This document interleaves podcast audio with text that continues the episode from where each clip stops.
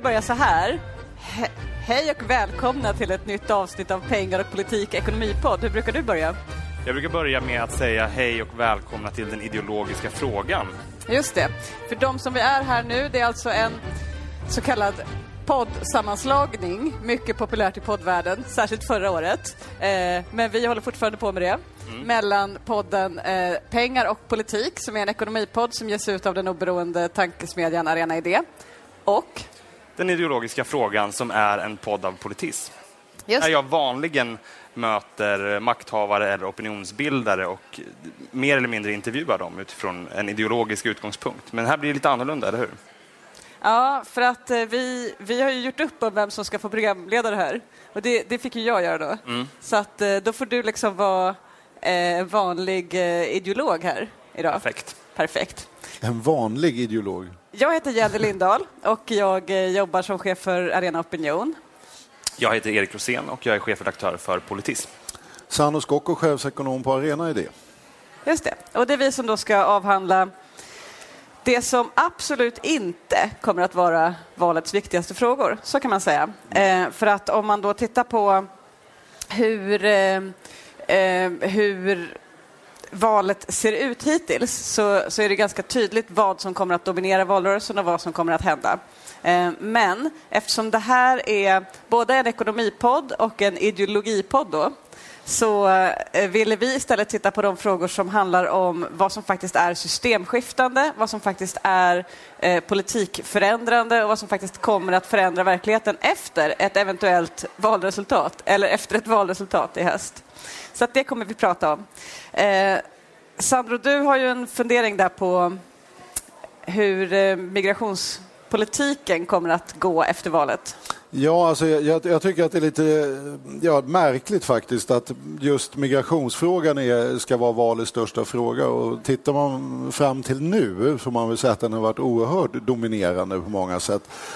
Eh, och det, det lustiga är att val brukar ju handla om någonting som är relevant för valet. Det vill säga att här är kexchoklad och här är Marabou helnöt, nu ska ni välja. Va? Det valet finns ju inte i migrationsfrågan utan oavsett hur svenska folket kommer att välja på valdagen så kommer svensk migrationspolitik se likadan ut. Här, här har vi ju de två stora så att säga, ja, regeringsbildande partiernas positioner väldigt klara för oss. Och nu är det ju mer egentligen ett Ja, det är jättekul att prata om det därför att alla partier lyckas ställa till det i den här frågan för den är så känslig. Men det är ju väldigt mycket egentligen retoriska vinklingar bara. Alltså svensk migrationspolitik efter valdagen kommer se ut ungefär som den gör oavsett hur valresultatet blir. Och det är jättekorn egentligen att ha en... Ja, den stora valfrågan är någonting som inte spelar någon som helst roll för valresultatet. Det tycker jag är lite udda. Jag håller med dig på sätt och vis där. Eh, och tycker också att migrationspolitiken diskuteras betydligt mer än den borde i proportion till hur mycket den kommer förändras. Vi kommer oavsett valresultat få en migrationspolitik som jag inte gillar. Vi kommer få en stram migrationspolitik. Mm. Men vi har samtidigt, du säger de två stora regeringsbildande partierna, vi har ju ett tredje stort parti också som i mångt och mycket påverkar färdriktningen i migrationspolitiken. Så att min invändning skulle då vara att vi, vi har liksom en ideologisk strid om den också, inte bara en praktisk. Och det är också ilskan över den skarpare migrationspolitiken kommer ju också av att det är i den här typen av frågor som folk ofta har liksom börjat sitt politiska engagemang i antirasismen eller liknande. Så att jag, jag, tycker det är naturligt att den fortsätter att engagera även fast vi vet eh, att den kommer att vara stram eh, eller ogenerös eller vad man vill kalla den efter valet. Men, men jag förstår varför den ändå fortsätter att ta plats. Ja, men jag håller ju med, det är en ideologisk fråga men, men samtidigt så är det ju en fråga som, ja, som sakläget ser ut nu inte kommer överhuvudtaget påverkas av valet. Och, och det är ju det är väldigt många frågor som är där ute nu och som kommer att påverkas av valet och som kommer att påverka vanliga människors liv. Och, det, och jag kan ju tycka det är lite symptomatiskt att Björklunds tal igår handlade ju om EU, euro och liksom NATO-medlemskap, eller hela hans dag, Liberalernas dag, ville ju lyfta de här frågorna. Eh, det är också sådana här frågor som absolut inte kommer påverkas av valresultatet. Eh, och det, det verkar vara en, jag, jag kan inte låta bli att göra den lilla iakttagelsen att det verkar vara som att politiker har en otrolig fäbless för, ta upp frågor som absolut inte har med valet egentligen att göra. Va? Men frågor som är jätteviktiga för valet eller hur valutgången blir är ju till exempel frågor som rör jättemånga delar på arbetsmarknaden. Det kommer vara jätteviktigt för vilken bostadspolitik vi får. Det kommer vara betydelsefullt för vilken skola och sjukvård vi får. Där finns det ju verkligen partiskiljande och blockskiljande förslag mm. och som kommer att påverka vanliga människors liv. Och, och då kan man ju bli lite frustrerad över att huvuddelen av debatten handlar om saker som helt enkelt inte har med valet att göra. Men ska vi börja i de frågorna som rör arbetsmarknaden i så fall? Det kan vi göra. Vad tänker du där? Nej, men här, finns det ju, här finns det ju flera olika delar som är helt avgörande för hur svensk arbetsmarknadspolitik till exempel har fungerat. Alltså, man vill till exempel privatisera Arbetsförmedlingen och, och då är ju ett, naturligtvis en idé ju bara att säga att vi ska göra exakt samma sak, det är bara det att det är massa privata utförare som ska göra det. Men så är det inte riktigt heller, utan det ska ju sparas miljarder på detta genom privatiseringarna. Och det, och det, här är ju en, en hörnsten i den svenska aktiva arbetsmarknadspolitiken. Vi kan ha, för vilket vi kanske inte har så mycket längre, men en relativt, eller man kan, vi kan vända på det en relativt generös a-kassa, det vill säga anständiga liksom, ersättningsnivåer där, förutsätter en aktiv arbetsmarknadspolitik där man prövar människors arbetsvilja. Därför annars är man inne på medborgarlön och börjar montera ner den aktiva arbetsmarknadspolitiken som ett stöd till individen att komma tillbaka till arbetsmarknaden. Ja, då börjar du de facto också montera ner eh, arbetslöshetsförsäkringen och så vidare. Och så vidare. Det, det är liksom det, det är till exempel en rätt radikal omsvängning utav hur många människor kommer uppleva sin vardag. Och där har vi också en, en genomgripande ideologisk skillnad mm. mellan höger och vänster som kanske är tydligare nu än den har varit på väldigt länge. Det är ju egentligen en förlängning av det som Reinfeldt och Borg pratade om när de pratade om arbetslinjen och så vidare. Det är samma, samma grej som går igen där eh, i hur man ser på lönebildningen, hur man ser på a-kassan Eh, redan 2010 så sa Anders Borg att vi vill inte sänka några löner. Sen hittade Expressen Moderaternas interna dokument där de skrev att eh, syftet med jobbskatteavdragen är, eller ett av huvudsyftena är att sänka reservationslönen. Och reservationslön är då, tycker jag, ett begrepp som man borde prata mer om eftersom det är väldigt mycket det som, som står på spel i den här konflikten. För reservationslön är då den lägsta lön eh, någon förväntas acceptera att arbeta för. Och det är ju den som högern hela tiden ideologiskt sliter för att pressa neråt. Det är därför man vill eh, försvaga a-kassan. Det är därför man vill hitta nya anställningsformer. Och det hänger ihop med hur man ser på det som du nämner om Arbetsförmedlingen också.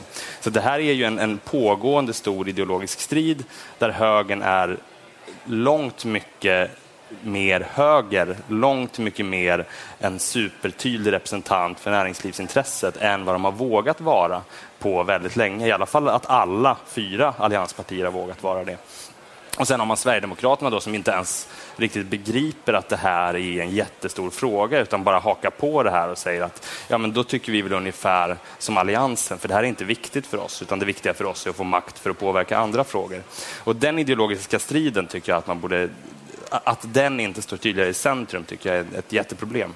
Här är väl också så att eh Någonting som sägs mycket inom vänstern, inom socialdemokratin, inom Vänsterpartiet är väl också att man jag tycker det har klagats på i åratal på något vis att man saknar en berättelse. Alltså vi, har, vi har tappat den stora berättelsen. Ehm, men den är ju här. Det, här. det här är ju på något sätt den stora berättelsen om vad som händer i samhället egentligen. Mm. Mm. där vi kan se att, ja, men att eh, ekonomin, med, jämlikheten, människors livsvillkor och så vidare förändras med, beroende av vilken regering vi har. Men, men det anses inte vara en, en, en berättelse som vi håller på med. Vad beror det på? Nej, det, det, är ju riktigt, men den där berättelsen är ju liksom svår att fånga i vardagspolitiken och få liksom en kontext som funkar. Va? Och, det, och det där är ju, och jag tror man måste också berätta många berättelser. Men om man till exempel tar just de här arbetsmarknadsåtgärderna som då respektive block, om vi nu ska kalla dem för det, men ja, vad vi inbillar oss är block fortfarande. Eh, de åtgärderna är ju väldigt ideologiskt drivna. De handlar ju om reservationslöner men de handlar ju också om att omfördela makt emellan de som anställer och de som är anställda. Och här är ju LAS till exempel lagen om anställningsskydd kommer nog ja, leva ett lite farligt liv efter en borgerlig valvinst. Därför här, här vill man ju gå in och säga att nej, det ska istället vara kompetens istället för tid. Va? Och man kan tycka att tid är ett jättedåligt kriterium för allt möjligt. Va? Men poängen med tid... Men jag tror du kanske får förklara också vad du säger nu. Aha, okay. Det LAS konferens, kommer LAS. kompetens istället för tid. Aha, okay. Jag hoppade över massa led. Ja. LAS är ju lagen om anställningsskydd helt enkelt. Ja. Och, då, och, då, har vi ju, när man ska bli uppsagd, så har vi ju en ordning i det här landet som styrs av LAS. Eh, och den säger ju det att vet, eh, sist in först ut. Va? Att det, det, är liksom en ordning. Och det där tror ju folk, och så säger folk herregud vad stelt. Alltså, mm. det, det, är ju jättekorkat. Va? Men Lagen säger det, men den är så kallad dispositiv. Det vill säga att man behöver inte följa lagen, utan där gör då fack och arbetsgivare upp om vilka behövs för att företaget ska överleva och så vidare. Och det är en reg reguljär förhandling. Vad LAS funkar om är inte att definiera vilka som blir uppsagda utan vad LAS syftar till är att arbetsgivare och fack ska komma överens om vilka som ska bli uppsagda. Och då är ju det det som är så att säga, möjligheten att få komma in i rummet helt enkelt när du tar bort tid, därför då är ju det alltså, hotet är naturligtvis, kommer vi inte överens då landar vi i LAS-listan. Då, då, hamnar vi i den här liksom, stelbenta LAS-listan och det vill vare sig arbetsgivare eller fack och därför förhandlar man. Va? Det som händer när du ställer upp ett kriterium som inte är objektivt, alltså som inte går att göra objektivt, det vill säga kompetens. Ja, det finns ingen anledning att bjuda in facket längre.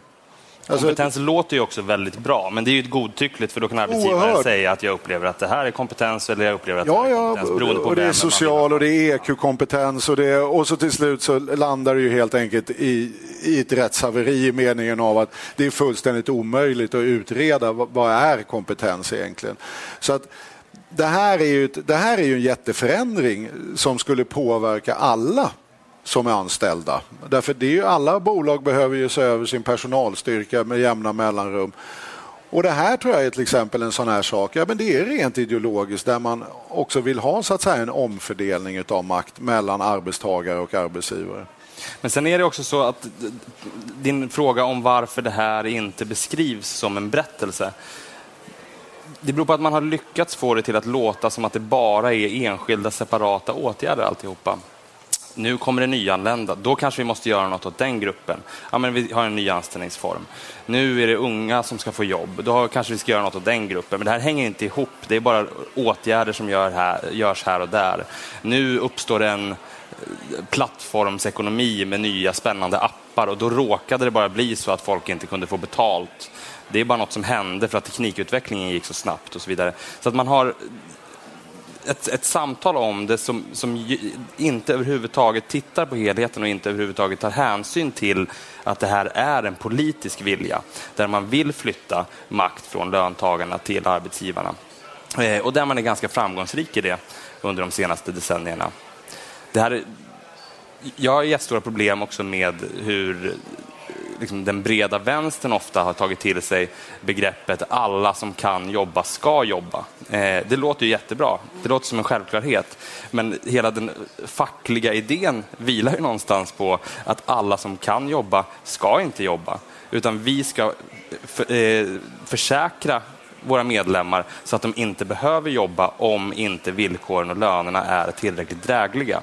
Den berättelsen har också försvunnit när vänstern har accepterat att alla som kan jobba ska jobba, bara för att det som en liksom, fras låter som en självklarhet. Så det där man, man, måste sätta in de här sakerna i ett större politiskt perspektiv och se att det här är någonting, en, en riktning där man medvetet går, tar de här stegen. Det är inte något som bara händer för att det råkar uppstå olika nya problem på arbetsmarknaden. Men om nästa statsminister är Ulf Kristersson, varför skulle han genomföra det här systemskiftet när inte Fredrik Reinfeldt gjorde det? Fredrik Reinfeldt gjorde ju det, skulle jag ja. säga, eh, i och med att han eh, såg till att a-kassan blev väsentligt dyrare. Den blev också extra dyr eh, i de yrken där det var hög arbetslöshet i och med att han gjorde så att fackavgiften inte längre var avdragsgill. Så redan där så försvagade han den fackliga organiseringen enormt mycket. Och sen införde de då de här jobbskatteavdragen som syftade till att pressa reservationslönerna som det heter, som syftade till att få folk att tvingas acceptera jobb för mindre pengar. När man eh, försämrade sjukförsäkringen var syftet delvis samma sak. Du ska tvingas jobba till sämre villkor. Jag måste nog också säga det att det där tycker jag är en av de absolut eh, mest briljanta PR-kupperna som har genomförts av en svensk regering. Att lyckas lansera vi gjorde ingenting, vi, står för den svenska modellen. Uh, och det, det, man kan säga, det de inte gjorde, vilket var extremt medvetet, det var ju att man rörde inte LAS. Mm. Alltså det, det var ju så här, LAS vart ju symbolen för allt detta. Så länge vi inte rör LAS, då är vi de nya Moderaterna. Och de, de hade ju en sån här kul stämma då, eller vad de nu kallar landsmöte eller vad det nu heter. Jag kommer faktiskt inte riktigt ihåg vad de kallar sina... De har både och, tror jag. De har både och, ja, det är därför jag är förvirrad.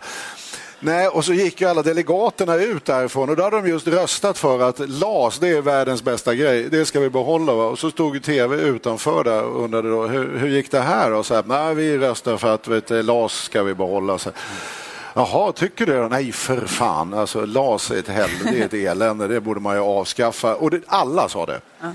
Utan det var en ren sån här partipiska från eh, Reinfeldt och Borg att Nej, LAS rör vi inte, men om vi inte rör LAS så kan vi liksom slå på alla de här andra byggstenarna. Det vill säga att vi kan försämra a-kassan, vilket man gjorde både genom strukturella åtgärder va, med den här differentieringen och så, men också genom att man urholkade värdet genom jobbskatteavdragen. Så man både sänkte, försämrade och försvagade för de svagaste grupperna genom den här differentieringen som man gjorde. Va. Man genomförde ett, en skattesänkningar som när Bo Lundgren föreslog dem. Och Moderaterna var ju trots allt en gång i tiden känd som skatte... Det var liksom det som karaktäriserade deras eh, liksom, politik. Var ju, när Bo Lundgren lanserade idén om att sänka skatterna med 100 miljarder då ansåg han att han hade gjort bort sig så kraftfullt att han mer eller mindre var tvungen att avgå. Därför det var bara pinsamt att påstå det. Borg sänkte skatterna med 130 miljarder. Nej, jag måste säga, alltså Reinfeldt-regeringen var oerhört skickliga på att, så att säga, prata vänster, köra höger. Och, ja, men däremot så resten av det här, det, det, märker vi också när det gäller till exempel, vi gjorde en utredning tidigare om resurser till välfärden i förhållande till behov. Eh, och det är såklart, sänker du skatterna med 130 miljarder så kommer du få betydligt mindre pengar till välfärden. Och nästa steg eh, på, i det här systemskiftet, det som Kristersson vill fortsätta på, det är ju eh, att fokusera på att politikerna ska gå in och peta i lönebildningen mycket mer. Man vill, eh, som det är nu har ju eh, arbetsmarknadens parter hittat en överenskommelse om det de kallar etableringsjobb till exempel. Man har gjort som man brukar på svensk arbetsmarknad för att få in grupper som tidigare haft svårt att få jobb och så vidare. Eh, och då har allianspartierna sagt att nej, men vi accepterar inte det här. Vi vill gå in och med lagstiftning säkerställa att folk inte har för höga löner, särskilt nyanlända. De måste ha lägre löner. Eh, så det är ju nästa steg i systemskiftet, att man lyfter den här extremt viktiga byggstenen i den svenska modellen och gör den till en lagstiftningsfråga istället för till en fråga mellan facket och arbetsgivaren. Men okej, okay, så då har vi ett, en stor fråga som valet inte handlar så mycket om. Nej. men som kommer att få enorma konsekvenser i eh, vardagen. Vad har ni fler? till exempel. Ja, men, alltså, jag vill ändå påpeka det för att göra det här liksom något sånt mer korrekt i någon mening. Va? Det, är ju, alltså, det är ju fullt legitimt val det här. Alltså, jag menar, de vill ha eller de har en annan ideologisk syn. Mm. De vill genomdriva en annan politik och, och ska man ta deras sida så är det så att säga genom att sänka reservationslönen så gör de bedömningen att fler kommer i arbete och vi får en högre tillväxt och genom ökade inkomstskillnader så skapar man större incitament att vara duktig och, och så vidare. Det är ju deras berättelse och det är ju för, men det är de berättelserna vi borde förhålla oss till på valdagen kan jag tycka. Hur, hur ser deras samhällssystem ut? Och, och då blir det så himla märkligt när allting handlar om en fråga där det inte spelar någon som helst vem som blir vald. Och det, det är det. Så att jag, jag menar inte alls att det här är illegitimt eller att allt är dåligt utan det är berättelserna och berättelserna ser faktiskt väldigt olika ut och det kommer att spela stor roll. Tired of ads barging into your favorite news podcasts? Good news. Ad-free listening is available on Amazon Music for all the music plus top podcasts included with your Prime membership. Stay up to date on everything newsworthy by downloading the Amazon Music app for free or go to amazon.com slash news ad free. That's amazon.com slash news ad free to catch up on the latest episodes without the ads.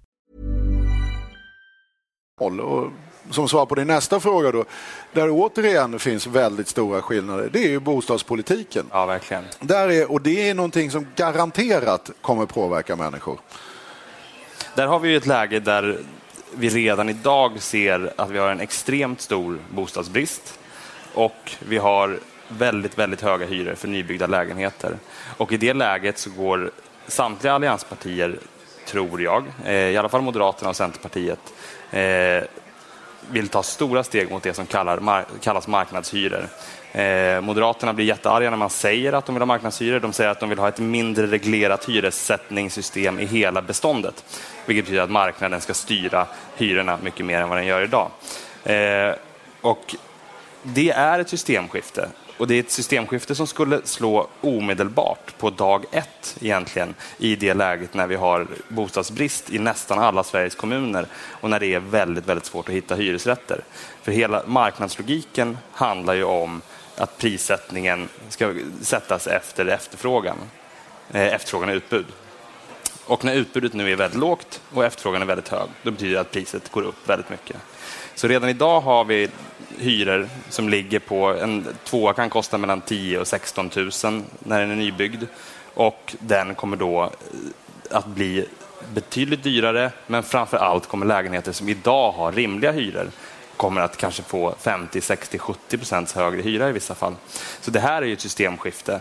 Det är också ett systemskifte i, som är intressant ur högerns perspektiv. Att när, när, man frågar hur ska vi lösa det här om hyrorna går upp, då vill ju de se bidragslösningar hellre än någonting annat. Då vill de att staten ska gå in och finansiera en del av hyran via ökade bostadsbidrag till exempel, eller riktade bostadsbidrag och så vidare. Så i den frågan är de ett bidragsparti och det är för att de vet att de här bidragen går ju indirekt till företagen. Mm. Men i den förra frågan så är det lätt att se den stora konflikten mellan eh, ja, men arbete och kapital. Alltså vi har, här har vi ett intresse, här har vi ett annat intresse och det är liksom naturligt att, man, att de här intressena på något sätt strider mot varandra. Men i den här frågan så känns det som att det inte är lika självklart att man som höger måste driva en ideologisk utveckling mot marknadshyror. Eller förstår ni vad jag menar?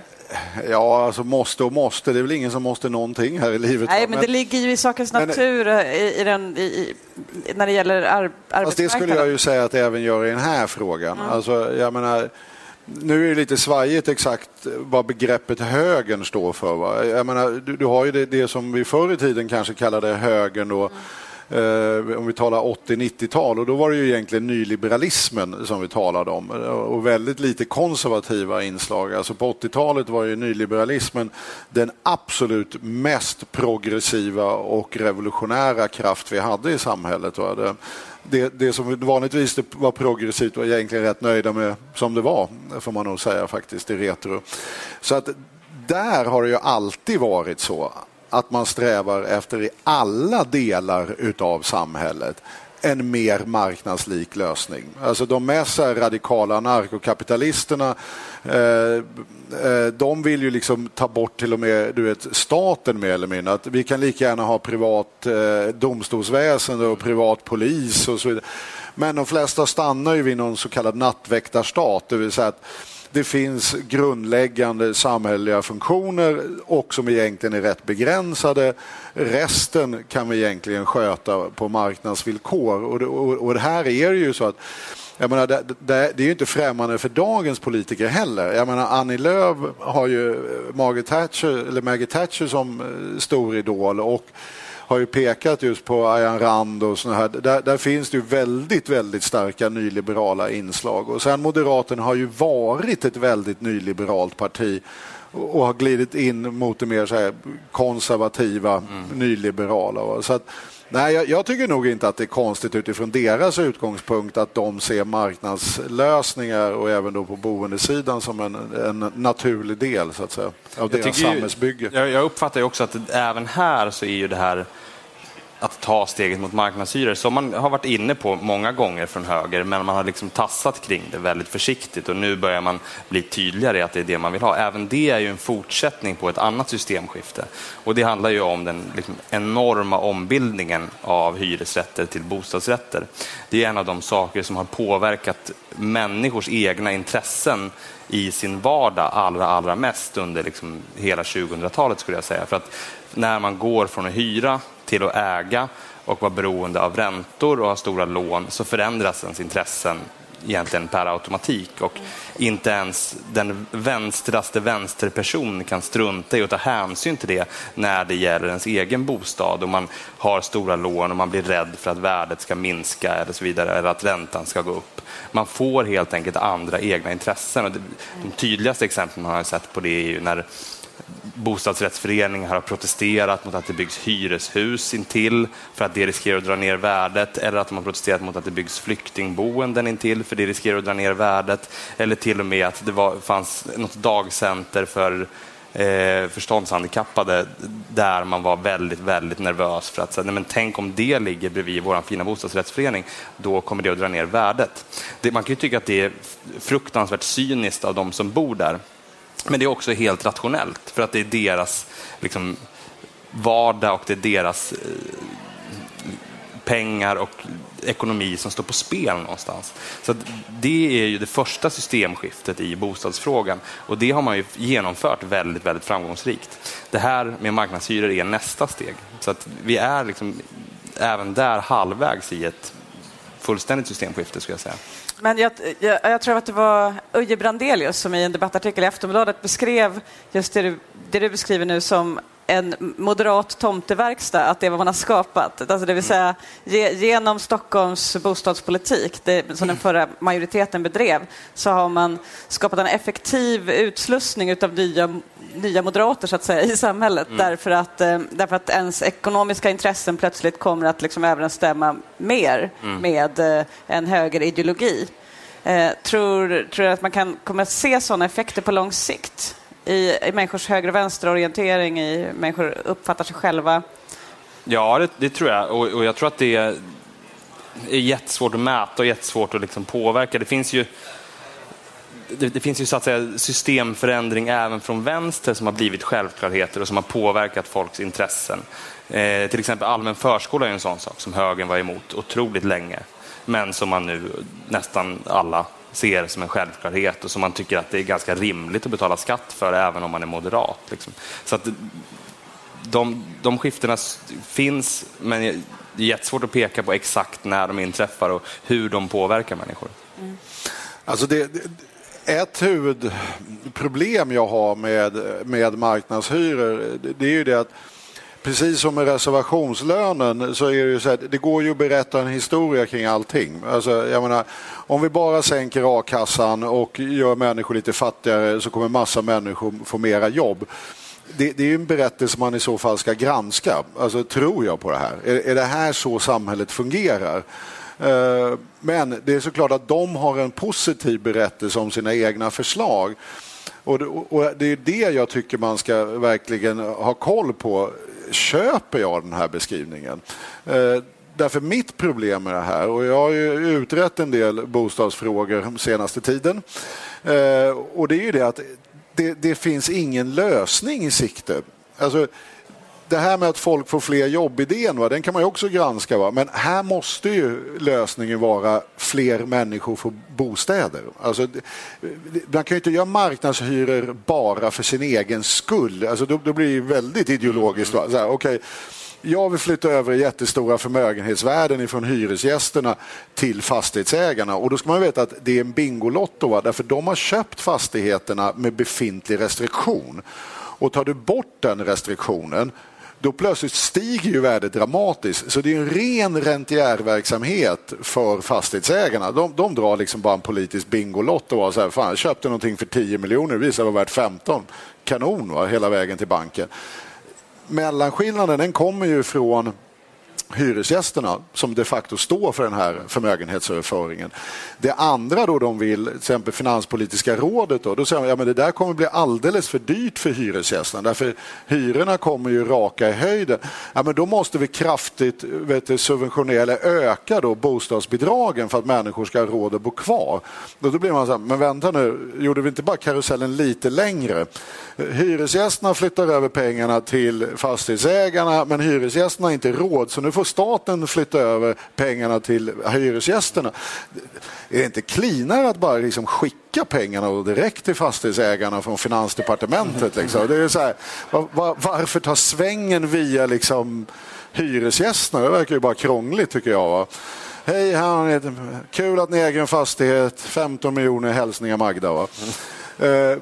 Att... Det här, men det här beror ju på att man har fastnat, även liksom från vänster till höger nästan, att man har fastnat i en idé om att det här kan inte politiken lösa. Det här har vi lämnat över till marknaden och nu får vi hoppas på det bästa. Det finns ju en väldig resignation där tycker jag inom politiken, att man har ingen riktig idé någonstans om hur man ska göra. Nej, det håller jag med om. Men problemet med den här idén, som ändå är en idé får man ju mm. säga, är ju då så här, okej, okay, hur löser vi bostadsbristen? Boverket säger att vi behöver kanske bygga mellan 60 80 000 bostäder varenda år. Vi kommer inte ens upp i det toppåret på konjunkturen. Och nu vet vi att det faller. Och vi kanske inte ens klarar av hälften under nu en lågkonjunktur. Det gör ju att bostadsbristen varje år bara kommer bli värre och värre. Mm. Och då är man så här, okej, okay, det, det, här är den verklighet vi har. Och den här skulle jag säga att nästan alla är med på. Ja, fine. Då tittar vi, vi inför marknadshyror. Vad bra, nu kommer vi bygga 80 000 bostäder istället varenda år. Det finns det inte en enda seriös bedömare som tror på. I och med att du redan har presumtionshyror för nybyggnation, det vill säga vi har redan marknadshyror på nyproduktionen. Mm. Så effekten kommer bli noll i praktiken. Och då, då är det enda som är kvar, om, om vi inte har löst någonting med åtgärden, då är det, därför det, det får man ju ändå bjucka på att man skulle kunna köra lite cost benefit. Okej, okay, vi smäller till hyresgästerna men det gjorde att alla fick bostäder. Eh, men att bara smälla till hyresgästerna och inte lösa problemet, ja då har du bara kapitalöverföringen till fastighetsägarna kvar. Och det är inte jättelegitimt skulle jag säga. Utan, och det är de här historierna man måste liksom hålla reda på löser den här frågan problemet, då kan man ändå börja diskutera fördelningseffekten av den. Men det här är helt uppenbart inte en lösning på det problem vi har, det vill säga alldeles för lite byggande, byggande till bara de absolut mest välbeställda grupperna det är inte alls ett socialt marginaliseringsfenomen vi har på bostadsmarknaden. Det är vanliga löntagare med goda inkomster som inte kan hitta ett vettigt boende på många av, inte minst storstadsbostadsmarknaderna. Så det här... här... här räcker det ju inte heller för politiken att då försöka hålla emot som det gör på vissa delar av arbetsmarknadsområdet, att man stoppar de här förslagen från höger, utan här måste man ju komma med mycket mer egna lösningar. Och det kommer tvunget att handla om mycket mer statlig finansiering och att, att allmännyttan ska bygga själv och att liksom, stat och kommun tillsammans ska se till att försörja medborgarna med bostäder. Alltså, det, det måste hamna där, det måste komma den typen av mycket, mycket mer omfattande förslag. Det, det räcker inte med att försvara det läget vi har idag och säga alltså, men, ja, men presumtionshyror, det är ändå det är ändå okej. Okay. Där drar vi gränsen. Hit men inte längre. Det går liksom inte. utan Den här bristen kommer ju bara bli värre och värre. Ska vi gå vidare till en tredje fråga kanske då? Mm. Eh, innan vi har slut på tid. Vilket vi har om tio minuter. Det går fort. Ja. Eh, men för då skulle jag vilja lyfta en fråga som, som jag tror kommer att vara mycket mer systemförändrande och mycket mer förändrande för vilka vi är, att säga, än vad än, än, än, vad, än vad någon här tror. Mm. Så där, du vet vad alla tror. Kanske vet vad alla tror. Ja. Eh, nej, men säkert, säkert är det några som redan är med mig här. Men jag tror nämligen att konsekvenserna när det gäller kulturpolitiken kommer bli oerhört mycket mer drastiska än vad man kan föreställa sig. För man tänker sig kulturpolitik som ett väldigt litet område. Någonting som man håller på med, eh, ja det är liksom Kungliga Balett och det är eh, lite folkbildningspengar och det är liksom lite ganska små anslag. Det är någon slags bibliotekspolitik och så, och så har man liksom de här små eh, små budgetposterna, de små frågorna och där man Ja, men jag tror att det är svårt för oss idag att se på vilket sätt som kulturpolitiken skulle kunna liksom, eh, i, i, leverera ett systemskifte. Men då tror jag att man underskattar eh, Sverigedemokraterna och deras drivkrafter om frågan. Om man tittar på deras förra budgetmotion till exempel så skrev ju eh, alltså, inte det från det här året utan den som kom förra året så skrev Sverigedemokraterna flera sidor innan de kom in på någonting annat i budgetmotionen mm. om kulturpolitik. Det var liksom en, en kulturpolitisk programförklaring. Och eh, ordet kultur nämndes över 150 gånger jämfört med ordet invandring som nämndes kanske 30 gånger att det här är en oerhört central fråga för Sverigedemokraterna därför att det handlar om hela deras grundideologi, att skapa en nationell identitet, att skapa en svenskhet, att skapa en svensk gemenskap, en etnisk gemenskap. Eh, och det, det, vill de använda kulturpolitiken och då, då tänker inte de på kulturpolitik så som departementen tänker på kulturpolitik, det vill säga att ja, men det är biblioteksgrejerna och det är eh, dansen och så vidare, mm. utan de tänker på det som en eh, som hela eh, ja, våra seder och traditioner, allt vi håller på med i landet, hur vi är. Och att de vill, då de vill bedriva en aktiv politik för att göra en grundläggande förändring av vilka vi är. Eller de kanske inte skulle se det som en grundläggande förändring utan kanske en återgång till vilka vi en gång var eller borde vara eller så. Eh, men där de vill skapa en, de vill skapa en människa helt enkelt. Eh, och det är ganska stora ambitioner och det är väl svårt att liksom kanske genomföra under en mandatperiod. Eh, men jag tror samtidigt att de kommer att, de kommer att komma ganska långt därför att det ena problemet är ju Sverigedemokraternas enorma fokus på kulturpolitiken och vad de då vill genomföra. Det andra problemet är ju alla andras brist på intresse för kulturpolitik. Det är en lågstatusfråga i varje parti. Eh, att vara kulturpolitisk talesperson är liksom aldrig det fetaste uppdraget. Eh, att eh, bedriva kulturpolitik, det är liksom ingen som bryr sig. Och det är svårt att, det är svårt att överhuvudtaget bedriva en valdebatt om det eftersom det finns en, grundläggande samhällelig skepsis mot kultureliten och allt som handlar om liksom kulturanslag och konstig knepig konst. Jag tyckte det var fint faktiskt av Björklund att ändå lyfta ett, i talet igår. Så hade han ett ganska långt passage inte så långt som, inte så långt som EU då, men som ju också var väldigt märkligt att vi pratade om överhuvudtaget. Men eh, att han hade ett ganska långt passage till försvaret av den fria konsten, vilket var Eh, det kanske inte var det mest välformulerade eller skarpast, skarpaste, men att överhuvudtaget ha med det tyckte jag var att han kanske också bör, kanske fler som börjar se att det kan hända väldigt mycket på kort tid.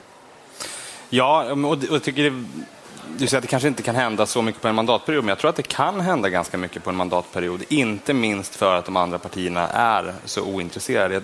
Om man tittar på nya public service-utredningen och tittar på Sverigedemokraternas reservation där så är ju den den ger ju en hint om vart de vill. Medan de flesta andra partier inte verkar tycka så mycket alls.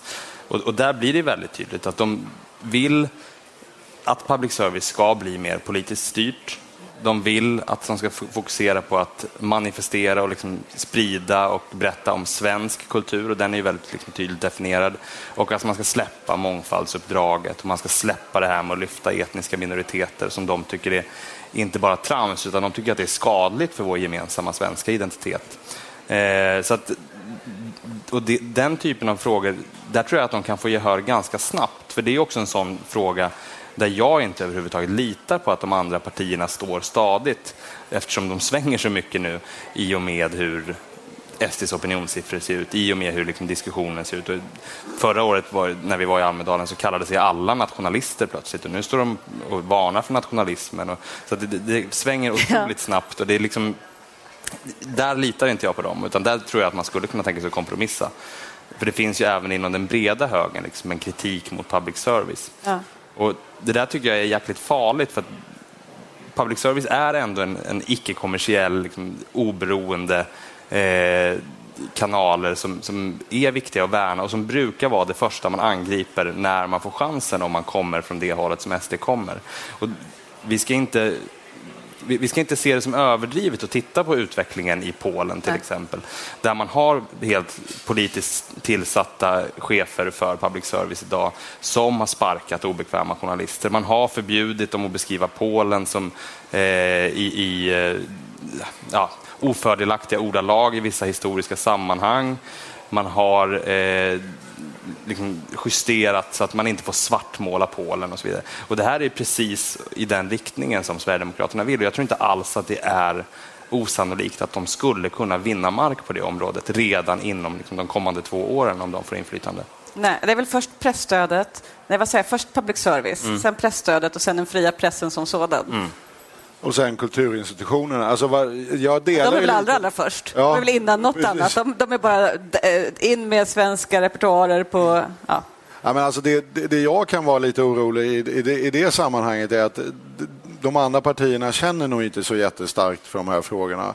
Och jag menar, om vi nu tar då diskussionen kring marknadshyror och bostäder och så behöver man få SD med på vagnen så är det ju inte otänkbart att tänka sig en förhandling som att Jo, men då vill vi ha någonting här och så slänger de in att de vill ha någonting på kulturområdet. Och då kommer ju de att säga, okej, okay, marknadshyror, någonting på kulturområdet. Ja, it's a buy, liksom. Det, där tror jag man kan hysa en viss oro. Alltså, jag, jag, tror inte de kommer få saker gratis, utan de kommer naturligtvis få betala. Men frågan är ju om de vill genomdriva sin politik då kanske det är där de kommer kräva väldigt många saker eh, och få lever ge leverans då till den sittande regeringen. Och det, och det, och det kan ju vara lite oroväckande får man ju mm. onekligen säga. Ja, och de kommer ju börja väldigt... Eh, alltså det finns ju väldigt mycket konkreta små saker som de bara vill genomföra som är att eh, ja, men, vi ska, vi ska, de, de vill ha bort väldigt mycket samtidskonst och de vill ha bort väldigt mycket samtidskultur och mångkultur och istället ersätta den med svensk traditionell kultur. Mm. Och det är väldigt lätt att styra de här institutionerna på ett sådant sätt, även om det är, vi, vi har inte gjort det hittills därför att vi säger att kulturen ska vara fri. Men eh, det är väldigt lätt att bara skriva såna här regleringsbrev eller vad det heter och förklara vad det är de ska göra så, ha, så måste de ju följa det. Eh, men vi har väl nästan slut på tid, är det inte så? De säger det. De säger det. Säger det. Tack och adjö för oss. Så, ja, men vi brukar tacka och adjö lite awkward sådär genom att jag säger så typ tack till mig själv. det brukar gå snett. Jag har liksom ingen bra, så jag tycker Erik får avsluta. Eh, ja, men då tackar jag för att eh, ni ville dela podd med mig idag. Eh, så får vi tacka alla som har kommit hit och lyssnat här och så får vi tacka alla som lyssnar sen. I, där. Ja, ja, där. Eh, tack så hemskt mycket. Tackar.